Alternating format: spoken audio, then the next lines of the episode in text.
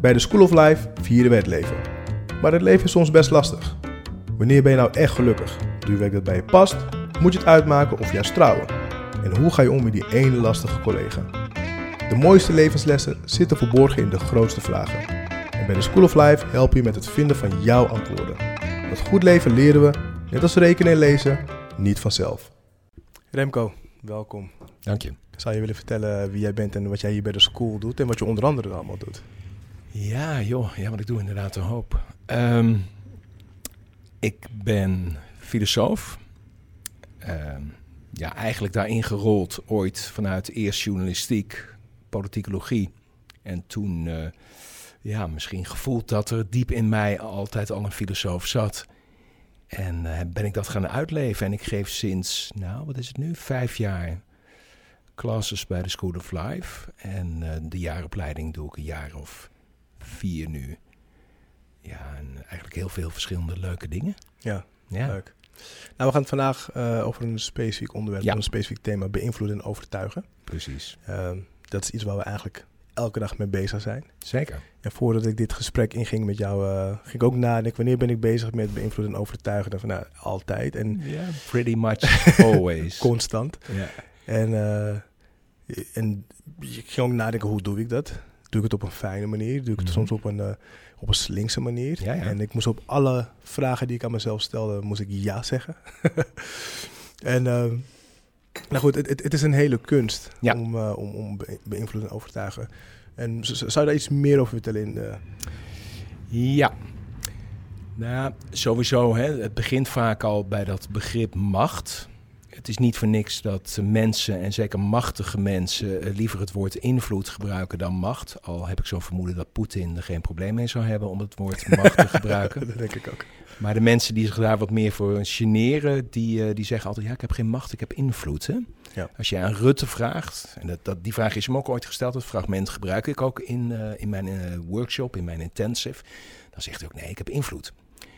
En ja, invloed is een beetje macht light. Hè? Dat is de vriendelijke soort van macht. Maar in wezen is er met macht helemaal niks verkeerds. Als je macht gewoon ziet als hè, macht uitoefenen. Uh, ja, iets krijgen wat je wil. Iets houden wat je wil. En dat kunnen ook hele goede en belangrijke dingen zijn. Ook voor andere mensen. Dus dat is het overkoepelende begrip. Uh, macht uitoefenen, beïnvloeden. En overtuigen. Hè? Eventueel via welsprekendheid, maar dat kan natuurlijk ook op andere manieren. Dus de hele retorica, nou, dat is eigenlijk een soort uh, subgenre van macht en beïnvloeding. Ja, mooi. En het is, um, ik voel me soms zelfs schuldig als ik iemand aan het beïnvloeden ben. en, ja, dat is goed. Het is wel goed dat je dat voelt. Hoor. Dat is een, ja. op zich een heel goed gevoel. Ja, het is geen prettig gevoel, maar het is wel belangrijk dat je dat soms voelt. Want dat betekent dat je het conscientieus doet. Hè? Dat je toch bepaalde moraal hoog probeert te houden. Ja, want ik wil, ik wil iets voor, voor elkaar krijgen. En, ja. en, en, en daar, daar ga ik een aantal dingen bij inzetten. Ik heb een bepaalde machtspositie. Mm -hmm. die, die gebruik ik. Ja. En um, ik vind het soms wel moeilijk om het onderscheid te maken tussen wanneer gebruik ik hem en wanneer misbruik ja. ik hem. Ja. Uh, nou, weet je, ook zo'n uitspraak die ik vaak citeer in deze uh, intensive, die komt uit de film Spider-Man. Maar hij is al veel ouder, wordt er allerlei mensen toegeschreven. With great power comes great responsibility. Ja, klopt. Dus hoe, hoe meer macht je hebt en hoe meer je ook uh, bewust raakt van de macht die je hebt, hoe zorgvuldiger je daarmee om moet gaan. Want je kan inderdaad dingen stuk maken. En dingen stuk maken is altijd makkelijker en sneller dan dingen heel maken. Ja. En dat betekent dat je er echt heel voorzichtig mee moet zijn. Hè? Dus daar gaat je geweten een rol spelen. Het is ook niet voor niks dat we in de klas altijd uitbundig aandacht besteden aan ethiek. Dus goed en kwaad. Mhm. En het is natuurlijk fantastisch. Dan kom ik ook terug op, op ja, een beetje dat schuldgevoel uh, dat jij dan hebt. Uh, uh, je hebt natuurlijk, hoop ik, een goed doel. Een doel waar jij niet alleen van profiteert. Nou, dat is natuurlijk al mooi, dat je dat überhaupt hebt. Maar zelfs mensen met goede doelen kunnen nog heel veel brokken maken als ze niet werkelijk nadenken over wat ze aan het doen zijn. Als ze vinden dat ze alle mogelijke middelen mogen gebruiken en noem maar op. Ja. En dat zijn natuurlijk vraagstukken waar we ons ook over moeten buigen. Ja, precies. Kijk, soms handel ik met de juiste intenties. Ja. Um, ik maar, hoop, nou, soms is het zo weinig. Uh, nou ja, ik, ik, ik, ik, moet, ik moet eerlijk zeggen, als ik heel boos ben, dan, dan zou het best kunnen zijn dat ik... Ja, dat is link. ja, eh, dat, dat, dat je dan op een donkere plek komt waar je helemaal niet wil zijn. maar ja, je zeker. emoties die leiden je Ja, ja, zeker. daar en je remt het ook niet eens. Je, Ja. je laat je voeren door je emoties. Dus meestal handel ik met de juiste intenties, moet ik eerlijk zijn. Maar soms ook niet. Ja. Ehm, Ja, maar goed, dat geldt voor mij ook hoor. ja. En, en ik, ik, ik, ik, ik heb wel eens met mensen erover van... Ja, soms wil ik dingen gedaan krijgen, maar dan, dan krijg ik mensen niet mee. En, Hmm. en eh, Ja. ik voel duidelijk dat, dat mensen beïnvloeden een, sk- een skill is die je kan leren. Ja, en, en, en ook nog eens om dat dus inderdaad op een fatsoenlijke manier te doen. Op een manier dat mensen zich daar prettig bij voelen. En dat ze zelfs, als ze er nog eens rustig op terug kunnen kijken, zich er nog steeds prettig bij voelen. En dat voor jou eigenlijk hetzelfde geldt. Dat is eigenlijk wat je wil bereiken. Dus je wil niet, wat wel eens het, het schrikbeeld is van, ook van overtuigingskracht, van retorica. Dat je mensen op een hele slinkse manier ergens inpraat. Eh, ik bedoel, zelfs als het doel goed is, kan de manier nog steeds slink zijn. Hè? Laten we eerlijk wezen. Gewoon omdat je denkt, nou dan gaat het sneller, dan gaat het makkelijker. Ik kan het nou eenmaal zo goed, weet ik wat je doet. Ja, en, en daar is eigenlijk toch de kunst om eh, ook dat netjes te doen. Op een manier dat we er ons allemaal de afloop nog lekker bij voelen. Ja. Wat dat betreft is het bijna te, ja, te vergelijken met verleidingskracht. Hè, eh, dat je op bepaalde momenten iemand eh, de slaapkamer in wil praten. En ook dat hoor je eigenlijk netjes te doen, weten we inmiddels allemaal. Hè? Zodat ook daar allebei de partijen of de meerdere partijen kunnen zeggen na afloop van... het was goed. Dat is goed, ja. Ja. En, en, en dat, dat, ehm, dat gevoel tussen goed of fout. Hoe, hoe kan je... Ja, je hebt, je, hebt, je, hebt, we hebben natuurlijk een innerlijk kompas, maar dat verschilt per persoon. Ja. Ja. Dus hoe zorg je ervoor dat, dat de twee mensen of, of de persoon in de groep die daar tegenover staat, dat het op één lijn komt te staan? Ja, ja, je hoeft niet altijd op één lijn te komen. Er zijn verschillende opvattingen van goed en kwaad die, eh, die, die allebei, hè, of die in meerdere gevallen geldig kunnen zijn. Eh, ze kunnen iets anders verwoord worden, maar ongeveer op hetzelfde neerkomen. Dus in die zin heb je gelijk dat een, een moraal uiteindelijk, een opvatting van goed en kwaad is ja, uiteindelijk altijd jouw of mijn moraal. Maar het mooie van moraal is, van opvattingen over goed en kwaad, als we daarover eh, gesprekken hebben. En we nemen echt de tijd om elkaar te begrijpen, hè, naar elkaar te luisteren. Dan zullen we waarschijnlijk raakpunten ontdekken. En in die zin is moraal ook altijd een collectief, een gemeenschappelijk verhaal. Dat we in de loop van honderden of duizenden jaren vanuit allerlei verschillende tradities in de wereld, vanuit allerlei verschillende culturen hebben eh, ontwikkeld. Ja. Dus het is subjectief, het is individueel, maar het kan ook collectief. En, en zoals we dat een beetje met een chic wetenschappelijk woord noemen, intersubjectief worden. Het zal nooit objectief worden, hè, een soort Mhm. absolute moraal die helemaal vaststaat, waar we niet meer over hoeven te discussiëren. Maar in gesprekken en ook door dingen te doen, en door te vallen en door op te staan, komen we erachter wat onze opvattingen over goed en kwaad zijn. En zullen we altijd nogmaals raakpunten ontdekken. Dat Ja. is het mooie.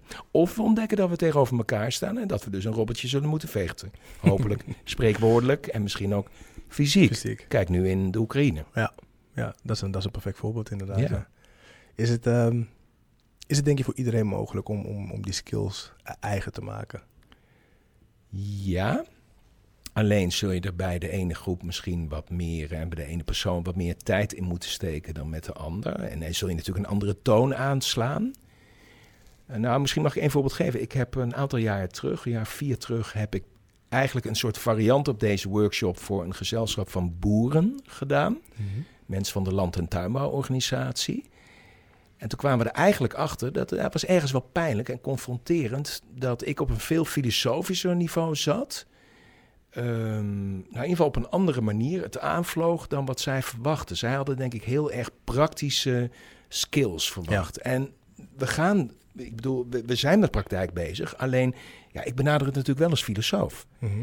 En, en ehm, wat ook wel zo is, kijk, je hebt doen en je hebt doen. Eh, je hebt natuurlijk vormen van doen waarbij we onze handen gebruiken, waarbij we instrumenten gebruiken, nou ja, noem maar op. Waarbij we bij wijze van spreken een tram besturen, zoals hier buiten, of wat dan ook doen.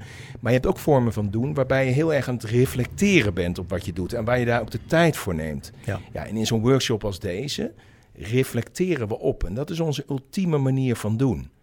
Hmm. Dus elkaar proberen te overtuigen, daarover nadenken, daarover spreken en het dan weer opnieuw proberen. Hè? Dat soort dingen. Ja, precies. Je bent constant aan het slijpen Ja, in je, ge- in Ja, je gedachten. ja, ja, precies. En je bent bezig met zelfreflectie, je bent bezig met gesprekken met elkaar. En een van de leuke dingen om dan te ontdekken in die workshop of in die intensive van een dag, zo'n lange workshop, is dat je vaak uiteenlopende mensen bij elkaar hebt. Je hebt iemand van een bank, je hebt iemand van een, eh, weet ik wat, een, een, een NGO, je hebt uh, nou, weer iemand uit een totaal andere hoek. En die eh, leren elkaar ook weer lessen. Het is niet dat ik daar de guru ben die alles gaat vertellen, Mhm. hè, maar het is meer dat mensen voor elkaar ook vaak hele zinvolle inzichten hebben. Ja. En, en, en zie je als je die mensen bij elkaar hebt in je, in je workshop, zie je de mensen die, die van nature beter kunnen overtuigen en beïnvloeden, zie je daar een bepaalde overeenkomst? Ja. Voor een deel zie je dat inderdaad in de mensen die je al voor je hebt zitten. En, en, we beginnen altijd met een rondje van, ja, wat wil je hier vandaag uithalen? En dat zijn dan meestal de mensen die zeggen van, nou, ik krijg juist te horen dat ik het al heel goed kan, maar ik wil het misschien wat fatsoenlijker doen. Hè? Met wat meer respect voor de mensen die ik probeer te overtuigen. En anderen zullen inderdaad zeggen van, nou, ik weet er nog eigenlijk helemaal niks van, maar ik ga het allemaal nog leren. En een derde zegt, ik doe het altijd op een heel rationeel niveau. Maar ik wil ook het gevoel kunnen aanspreken. Dat is natuurlijk ook een hele belangrijke. Hè? De Mhm. verschillende niveaus waarop je mensen probeert te raken. Dat is nooit alleen je hoofd, maar dat is natuurlijk ook je hart. Absoluut. Of je onderbuik zelfs. Ja, en ik laat, dat is eigenlijk de praktijk in al mijn colleges. Ik maak heel veel gebruik van videofragmenten. Ja. Dus ik laat bijvoorbeeld sprekers zien waarvan ik vind dat ze ja, heel goed kunnen spreken. En niet alleen kunnen spreken, maar soms ook natuurlijk met hun daden eigenlijk meer zeggen dan ze misschien ooit deden met allerlei woorden. Hè? Action speaks louder than words. Dus ik laat een Obama zien of een Oprah eh, of in Nederland. eh, ja, bepaalde sprekers waar we hier in Nederland door- weer door bevlogen van kunnen raken. Of ik laat juist een afschrikwekkend voorbeeld zien van zo kan je het ook doen. En dat is eigenlijk niet de bedoeling. Hè, noem maar op. Ja. Ja. Maar als we als een voorbeeld als Oprah, Obama Ja. erbij, erbij nemen, wat, is, wat maakt hun zo goed als het gaat om beïnvloeden en overtuigen? Wat hen goed maakt is denk ik dat zij precies doen wat ik daarnet al aangaf. Nooit alleen op het rationele niveau. Dus op de, de overtuigingskracht van, van woorden, van argumenten, van bewijzen, van feiten. Maar dat ze je heel duidelijk meenemen in een persoonlijk verhaal. En een verhaal dat zij ook persoonlijk maken. Zelfs al was het niet eens in eerste instantie persoonlijk. Ging het eigenlijk niet over Oprah of Obama. En, en maken ze ook duidelijk van what's in it for you. Dus, dus wat betekent dit voor jou als mijn kijker, luisteraar, publiek? Ja, dat zie je denk ik bij de beste sprekers altijd. Eh, en, en alleen dat, dat emotionele of persoonlijke niveau, dat zou voor mij ook niet genoeg zijn hoor. Eh, en dat hebben deze twee denk ik inderdaad niet. En, eh, en andere grote sprekers eh, of beïnvloeders ook niet. Nee, die raken altijd de verschillende registers. En dan is er eigenlijk nog een andere factor die we nog niet genoemd hebben. En dat is wat de oude Grieken al noemden kairos. Mhm. Wat houdt dat in? En kairos, dat is als het ware het gevoel voor het juiste moment en de juiste plaats en het juiste publiek. Hè? Dat is ook Hmm. timing. Ja. Het wordt wel eens vergeleken met de denkbeeldige tunnel, waardoor een pijl het doel raakt die jij hebt afgeschoten. Ja. En ja, dat is natuurlijk ook een belangrijke. Want je kan de beste dingen op het meest verkeerde moment zeggen. En voor het verkeerde publiek. En dan valt het totaal dood. Nee, inderdaad. Ja, het is grappig dat je het zegt. Ik, heb, ehm, ik, zit, ik zit nu to- toevallig nu Ja. dat zegt, als je het hebt over timing. Ehm, mijn moeder die, die, wilde, die wilde nog wel eens het verkeerde zeggen. en met de juiste intenties. En dan Oh ik ja, een, ja. Had ik een, eh, ja, had ik een, moest ik een tentamen maken en dan ging het niet goed, had ik niet genoeg geleerd. En dan zegt ze, kom ik thuis van school, ja, dan heb je dus niet goed genoeg geleerd. ja, Dus moet je, moet je beter leren. ja. Dan denk ik van, ja, maar op dit moment heb ik even een knuffel Ja, precies. Ja, dat is een mooi voorbeeld. Ja, hoor. en- dat is en- een mooi voorbeeld. Je hebt gelijk, ik heb niet goed genoeg geleerd, maar dat is niet wat ik op dit moment wil horen. En ja. dan, dan, En dan komt het niet aan. het komt niet aan, ik, ik, ik, sluit me helemaal af voor Ja. alles wat ze wil zeggen, Ja. voor een aantal uur Ja. zelfs. Ja, Terwijl ik, eh, terwijl ze, als F had gewacht, F had gezegd van, hoe ging het? Ik zei van, nou, het ging niet zo goed. Dus oké, kan gebeuren. Wat wil je drinken? Ga even zitten. heb je haar dit verteld? Ja. En toen veranderde het waarschijnlijk wel. Nou ja, ze vindt het, het is haar eerste reactie. Moeders zijn koppig. ja, het is haar eerste reactie. Dus, en, en wanneer, ik erop, wanneer ik haar erop aanspreek, dan snapt ze, het, snapt ze heel goed wat ik bedoel. En ze zegt, ja, sorry, je hebt gelijk. En, ik, en dan vertelt ze ook dat haar intenties goed zijn. En daar twijfel ik natuurlijk ook niet over.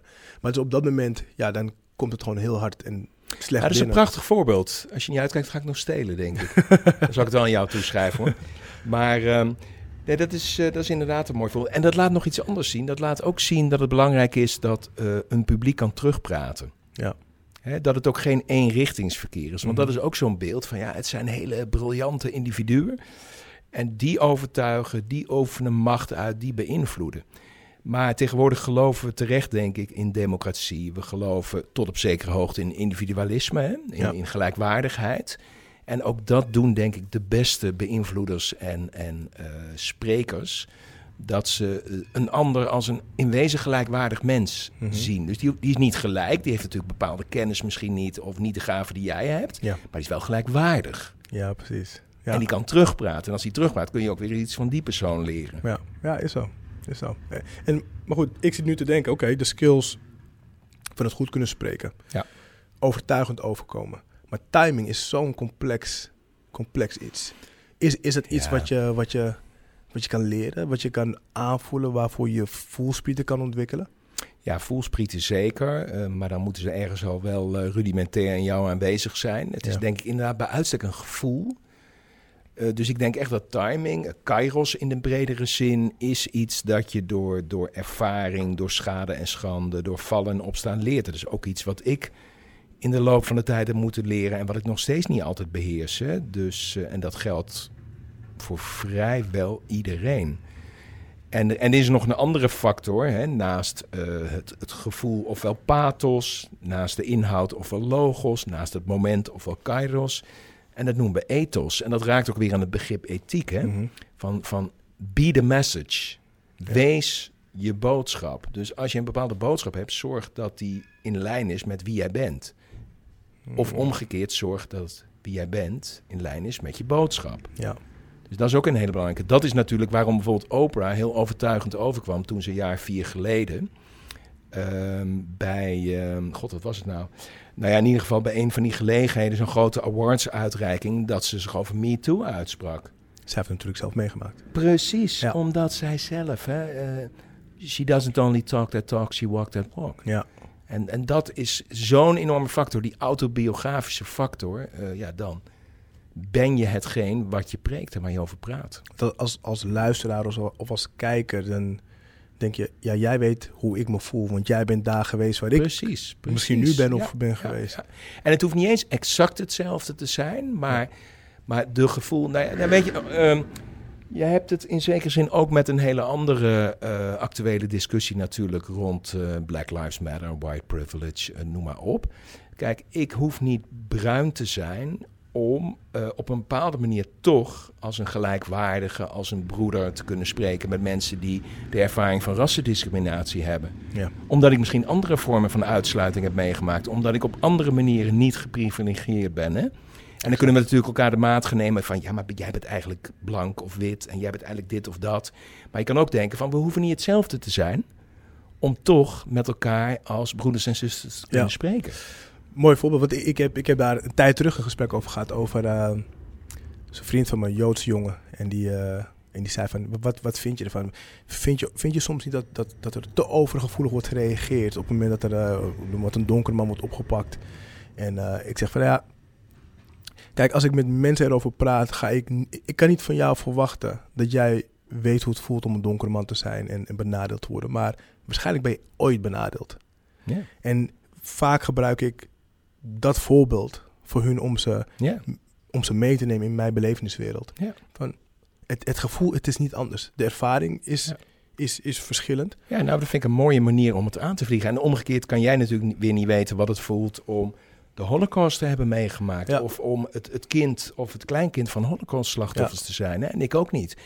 Maar het is zo jammer dat we vaak de ervaringen en ook de pijn die we, die we hebben doorgemaakt gebruiken in een soort rangorde van ik ben zieliger of gekwetster dan jij. In Ja. plaats van elkaar juist daarin te herkennen. Exact. Ja, ja. En elkaar de hand te reiken, weet je wel. En samen op te trekken. Ja, ja ik, ik, ik zei, eh, ik studeerde toen nog in eh, een van mijn leraren. Dat was een, eh, is een homoseksuele man die woonde in het centrum van Amsterdam. Ik zei tegen hem van, ah, wel fijn om als homoseksuele man in Amsterdam te wonen. En hij zei, ja, maar jij bent toch nooit uitgescholden voor vieze flikker? En toen dacht ik, oh ja, dat, dat zie ik natuurlijk helemaal niet. Nee. Dat, En, dat is- Nee, en Ja. dat is weer de, de, het begin van zo'n mooi gesprek. Hè? Ja. In plaats, het kan ook het einde van het gesprek zijn. Als je Ja, daarna heel- alleen maar allebei gekwetst bent. Nee, het was een heel mooi gesprek. Gaf me mooi. inzichten van... Ja. Oh ja, ik weet helemaal niet hoe Maar nu snap ik je, maar is een t- totaal blinde vlek voor mij geweest. Ja. Ja, ja. ja er is, een, eh, er is een, een boek dat mij heel erg geïnspireerd heeft, dat ik ook op andere plekken gebruik. Een politiek-filosofische studie, dat heet Talking to Strangers. Geschreven door Danielle Allen, een, een African-American eh, Amerikaanse politiek filosoof, die een van mijn eh, levende helden is. En, ehm, en, en precies dat begrip al, hè? talking to strangers. Kijk, het is natuurlijk makkelijk om met je vrienden en je familie en je matties te praten, maar praat je ook met mensen die werkelijk anders zijn dan jij, die werkelijk andere denkbeelden hebben dan jij. Dat wil je natuurlijk niet de hele dag door doen, daar word je helemaal Mhm. gek van. Je wil ook met mensen praten met wie je wel meer hetzelfde hebt, maar doe het wat vaker hè? Ja. en luister naar elkaar en probeer verder te komen. Ik, ik, ik denk dat dat inderdaad, als we het hebben over ehm, ehm, de voels, je voelspriet ontwikkelen, ik denk dat dat een heel belangrijk element is. Zeker, dat zijn ook volsprieten, ja. Want dat heeft bij mij zeker, en ik, ja, ik, ik, ik, ik gun iedereen de wereld, maar soms heb je nou eenmaal gewoon blinde vlek waardoor je dingen kan zeggen die Ja. anderen kunnen kwetsen. Ja, tuurlijk, tuurlijk. En, en toen hij zei van ja, maar Dwight, jij wordt nooit uitgescholden, want jij loopt nooit hand in hand met de andere man op straat. Dat, dat zorgde bij mij voor een bepaalde vertraging in mijn communicatie met andere mensen. Ja, Waardoor ik iets langer nadacht over wat ik zei. Over wat, en dus Ja. ook als ik bezig ben met beïnvloeden en overtuigen, ja. dan probeer ik een vertraging te creëren. ja, eh, dat is mooi. ja. Die vertraging geloof ik sowieso heel erg in. Ook op het moment dat je niet puur vanuit je emoties wil, eh, wil reageren. Zeker als zo'n emotie kwaadheid is of iets dergelijks. De- dus, dus denk inderdaad even na voordat je wat zegt, voordat je antwoordt. En zeker als je snel denkt, dan vallen er vervolgens ook geen hele lange stiltes. Hè? Ja, inderdaad. Dus wat dat betreft niet zo ramp. Tegelijkertijd zou ik zeggen, ehm, laten we ook niet te streng zijn voor onszelf of over anderen. We mogen fouten maken. Absoluut. We mogen vooroordelen hebben, sterker nog, die hebben we allemaal op onze eigen manier. Eh, dus dat is ook een manier, denk ik, om wat relaxter met elkaar te communiceren. Ja. Zou je, stel dat ik een extreem introvert persoon ben en Mhm. eh, ik zou graag bepaalde stappen willen maken in mijn carrière. Ik zou in een eh, ja, bepaalde positie willen bekleden waar overtuigingskracht belangrijk is. Mhm. Ben ik in staat om die stap te maken in jouw optiek? Zeker. Ja.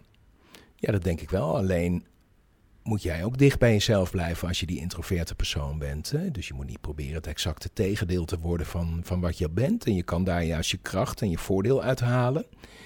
Vaak zijn de introverte mensen ook degene, niet per definitie hoor, er zijn introverte mensen die niet verschrikkelijk veel interessants te hebben melden. Hè? Mhm.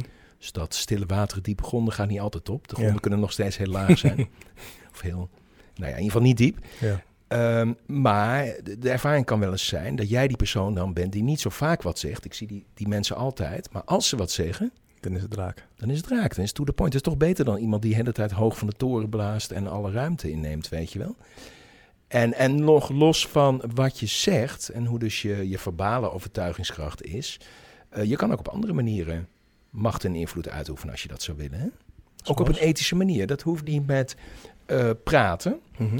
Dat kan ook met dat jij, ehm, nou ja, eens nadenkt over hoe kan ik überhaupt krijgen wat ik wil. En we gaan even vanuit dat dat een goed iets is. Dus- Dus ja, naast het, het, het kunnen overtuigen, is macht en invloed uitoefenen ook heel erg dat je eh, doelgericht te werk gaat. Ja. Dus dat je nadenkt over wat wil ik nou eigenlijk bereiken? En waarom wil ik dat bereiken? En hoe ga ik dat bereiken? En wat zijn de spelers op het speelveld?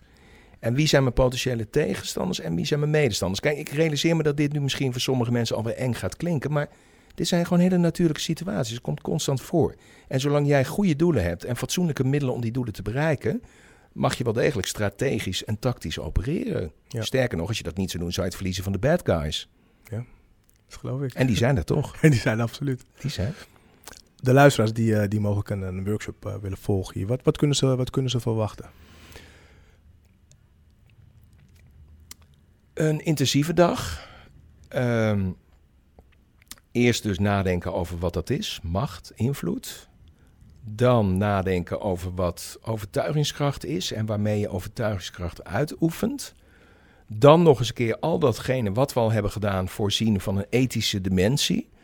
Dus nadenken over, ja, maar ik heb dit allemaal leuk, die doelen, maar is dit ook wel een goed doel? En zijn dit wel de goede middelen die ik gebruik?